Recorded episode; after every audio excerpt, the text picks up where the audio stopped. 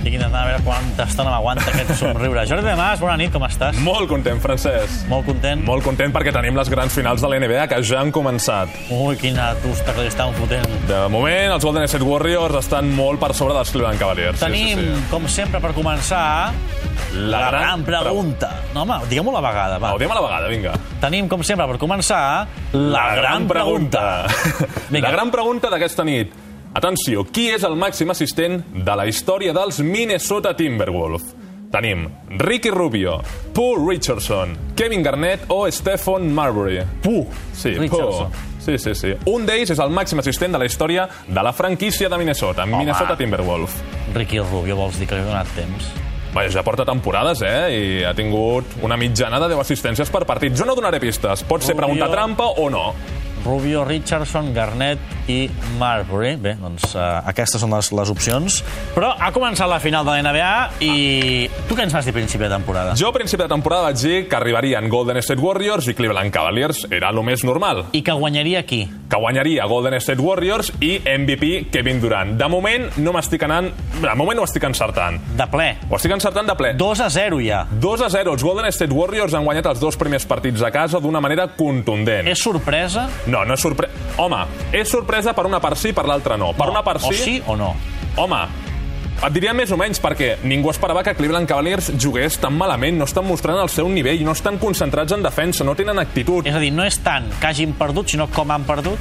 Una, sí, ho podríem dir d'aquesta manera, però hem de dir que els Golden State Warriors ja esperàvem que anessin a massacrar, perquè amb Kevin Durant, Stephen Curry, Clay Thompson, Draymond Green i companyia tenen un equip format per guanyar l'anell. Si no guanyaven, era fracàs històric. Va, primer partit, com va anar? Primer partit, els Golden State Warriors van guanyar 113 a 91. Hem de dir que amb aquest partit ja sumaven la tretzena victòria seguida. Fins la mitja part van aguantar bé, Cleveland Cavaliers intentava no... que Warriors no s'anessin molt del marcador, però després, en el tercer quart, ja Golden State Warriors va posar la cinquena marxa i van guanyar. És un equip que a mi sempre em dóna la sensació que si ells volen, posen la, la cinquena, la sisena marxa i amb dos minutets et fan un parcial de 10 a 0. En aquest primer partit, Kevin Durant, 38 punts, 8 assistències, 8 rebots i 0... Eh, no va perdre cap pilota i s'ha convertit, bé. juntament amb Michael Jordan, que ho va aconseguir el 1997 com els únics jugadors que han aconseguit anotar almenys més de 30 punts, repartir més de 5 assistències i no perdre cap pilota. Per tant, Kevin Durant Aquesta, va... assisten... Aquesta estadística és nova. Sí, O- sí, sí, sí. de- Jordan va ser el, el més recent Oh. Sí, en, en però vull dir, això aconseguir-ho. no té nom, no és un triple-doble ni No, un... no, no, això és una, és una estadística completament completament nova. També hem de dir que, per la part de Cleveland Cavaliers, també tenim una dada històrica, però una dada històrica en negativa, perquè s'ha convertit en el primer equip de la història que no recupera cap pilota en un partit de les finals. Per tant, Cleveland, Cap desastrós. pilota. Cap pilota, no va recuperar cap ni una. Per la part de Warriors, que estaven... Intensitat guapa, no? per la part de Warriors, que sí que estaven molt intensos, en van recuperar 12. A LeBron James, l'estrella dels Cleveland Cavaliers, va estar bé, 28 punts, 15 rebots, 8 assistències. Kyrie Irving, 24, té minuts bons, minuts dolents, i Kevin Love també li hem de demanar més 15 punts. Això sí, a priori, la plantilla de Cleveland era més extensa. Podien treure benefici, podien treure més suc, però els jugadors secundaris de Cleveland ho estan fent molt malament. J.R. Smith, 3 puntets, Thompson, 0 puntets, 4 rebots. O El pivot dels Cleveland Cavaliers ha de capturar més rebots. O sigui, una mica la banqueta del Barça. Sí, sí, Der... bueno, sí, aquest any no ha estat... Dinye, no? Deron Williams, 0 punts, Champer 5, la banqueta, nefasta, sí, André sí. Gómez, I, sí, sí, sí. I Stephen Paco Curry, Alcácer... bueno, va marcar la final, Sí, no? al final ho ha arreglat. Ah, per la part de Warriors, eh, Stephen Curry, que hem portat aquí la samarreta, 28 punts amb 6 triples, i atenció, Cleveland Cavaliers va perdre 20 pilotes. Per tant, primer partit, 113-91 pels Warriors. Segon partit... Al segon partit, Cleveland Cavaliers van dir que jugarien més físics, amb més intensitat. Res de res, 132 a 113 van perdre. Déu-n'hi-do, de, 20, Ah, i... i- de, de, de, de 19 punts. i sumen la 14a victòria seguida, únic equip de tota la història que aconsegueix aquesta marca tan espectacular. En el primer quart... Els play-offs. En els play-offs, sí. Uh, el primer, en el primer quart van anotar 40 punts els Golden State Warriors, demostrant la seva ofensiva que està a un altre nivell, a un altre planeta. En el tercer quart ja n'avan guanyant d'11 punts i Cleveland Cavaliers doncs, ha tingut molts problemes defensius.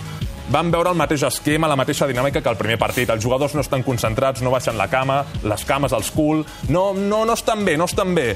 Uh, hem de dir que l'Ebron James va aconseguir un triple-doble, 29 punts, 11 rebots, 14 assistències, i aquest partit és el primer partit de tota la història que dos jugadors, un de cada equip, han firmat un triple-doble en, aquest, en un mateix partit. Tenim l'Ebron James i Stephen Curry.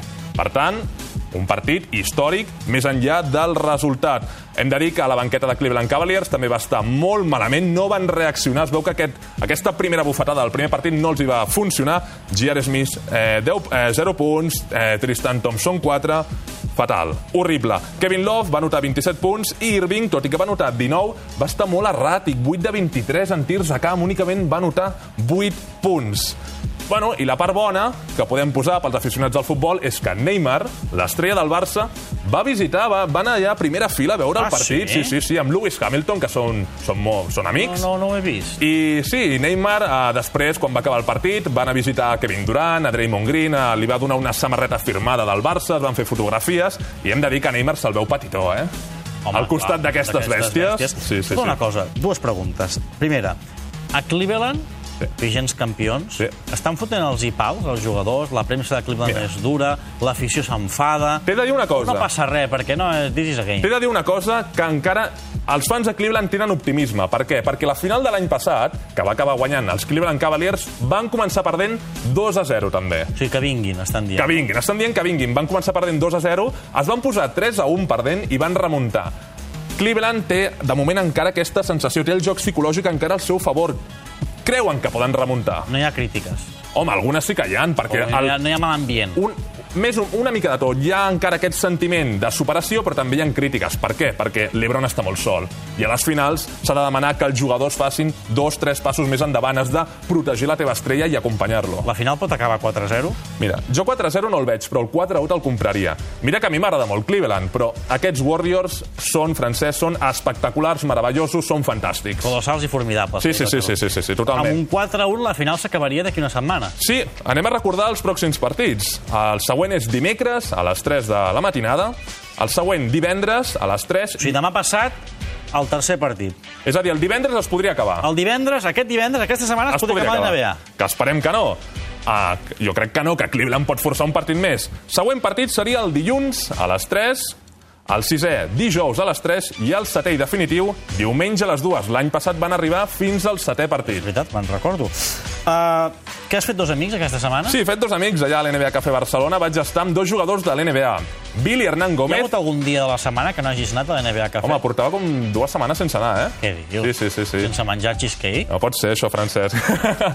doncs sí, sí. Vaig estar amb Billy Hernán Gómez, pivot dels New York Knicks, i Juancho Hernán Gómez, jugador dels Denver Nuggets. Els vaig fer una entrevista... Són germans. Són germans, són germans, i els dos juguen a l'NBA. Juancho té la meva edat i Billy un any més. A Juancho li vaig preguntar quin és el pavelló més difícil de jugar, aquell que, que l'impressiona més. Em va dir el de Golden State Warriors, que l'afició apreta molt. Després li vaig preguntar quin és el pavelló més maco.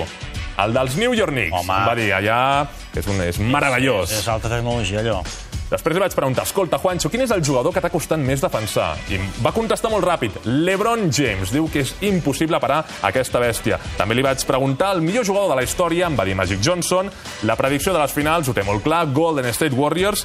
I em va donar també una dada curiosa. Em va dir que la gent es pensa que a Denver plou molt, fa fred. Em va dir que 300 dies de l'any fa sol. O sigui que Denver, home, és, és uh, a conferència oest, mig del desert, no? Està Denver. Bueno, sempre hi ha aquesta, aquesta teoria, molta gent opina. I finalment, a qui li agradaria fer-li un mate, ah, bueno, un, una esmaixada a la cara, jo fer-li un pòster, com es diu allà als Estats Units, un, una esmaixada en la seva cara, a l'Ebron James, diu que li encantaria.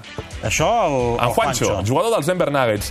I per l'altra part, Billy Hernán Gómez, pivot dels New York Knicks, doncs, bueno, primer de tot em va dir que aquest any no ha estat del tot bé, han d'agafar una dinàmica més positiva, han de tenir dos jugadors... El dia que vaig anar jo a veure'ls, va jugar i va fer un bon partit. Sí, és bo, és bo. El- Els dos jugadors són molt bons, ho han fet molt bé, però els seus equips encara han de donar una, una passeta més endavant. Uh, també em va dir que... Li vaig preguntar pel futur de Carmelo Anthony, que és l'estrella amb jugador franquici dels New York Knicks. No em va dir res. Em va fer una cara una mica així. Hi ha molts rumors... Potser- Hi ha molts rumors que diuen que s'anirà de, de, de New York, però no em va dir res, no em va donar cap declaració. I la predicció em va dir que ell pensa que serà una eliminatòria llarga, ell és fan de l'Ebron, però diu que guanyarà els Golden State Warriors. Bé, la final de la NBA, que l'estem seguint amb molta atenció, però també busquem orígens. Orígens. Avui ens n'anem a Detroit. Detroit Pistons, sí. Per D'on què Detroit surten els Pistons? Pistons? Anem fins al 1941. L'equip neix a Fort Wayne, a Indiana.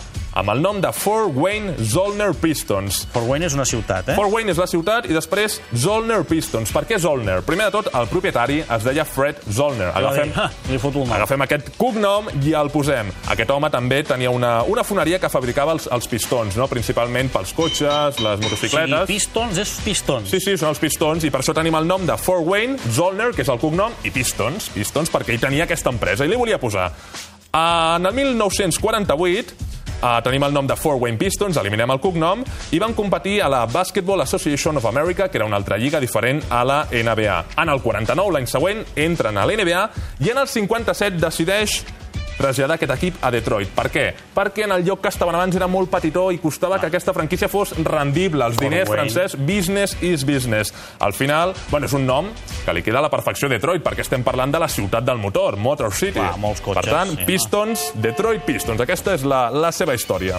I la curiositat? La curiositat que et porto avui es titula Quan tens les prioritats molt clares. Hi ha un vídeo, que pels que no ho puguin veure, que estan, hi ha una orquestra i la gent està tocant, amb els violins, amb les trompetes, i a la partitura té el mòbil aquí sota, veient les finals en directe. És a dir, ai, tinc un esdeveniment, he de tocar l'instrument, però les prioritats són... És el primer de veure la final, i ningú ho veu, perquè el director no ho pot veure, però ell sí, està veient la final aquí, ho té aquí sota, el mòbil, Clar, ara no toquis res, eh? no toco res. Clar, jo no veig què tens a la pantalla de Clar, l'iPad. no ho ara saps. podries tenir una sèrie. Podria tenir una sèrie perfectament. Podem mirar a veure què té a la pantalla de l'iPad aquest senyor? Mira, que te la moc. A veure què tens aquí. Ja, bueno, No toquis res, eh? No toquis la No, pantalla. no, no, no. És el guió, Ah, tinc el guió, tinc el guió, Francesc. és el guió. És el guió. Anava a dir, a veure si no hi tindrà el guió. M'estarà- M'estarà mirant aquí el, el cor de la ciutat. Bé, no, la Riera seria. El cor de la ciutat és molt vintage. Um, escolta'm, la gran pregunta l'hem de resoldre. Hem de respondre a la gran pregunta. Hem dit qui és el màxim assistent de la història dels Minnesota Timberwolves. És, És- la gran pregunta. La gran pregunta. Hem dit Ricky Rubio, Richardson, Kevin Garnett o Stephen Marbury. Quatre opcions. Rubio, Richardson, Garnett, Tom Marbury. I la resposta correcta és... Doncs, sorprenentment, és un jugador interior, Kevin Garnett, amb 4.216. Per què? Perquè porta molts més anys que, que els altres. Rubio no, eh? No, Home, és el segon, és el segon, eh? Ah, sí? És el segon amb dos, quasi De la 3.000. història dels... Dels Timberwolves és el segon, amb quasi 3.000. Home, però això és fer història, eh? però potser no el superarà perquè és possible que aquest estiu se'n vagi a un altre equip. Ja ens ho va dir, que la cosa estava... Mm, Ja veurem. Demàs, gràcies. Gràcies a vosaltres. Doncs que bé, a veure si encara se'ns allarga una mica. Tant de bo que la, sí. la final Tant de de bo la, que sí. de la Lliga NBA.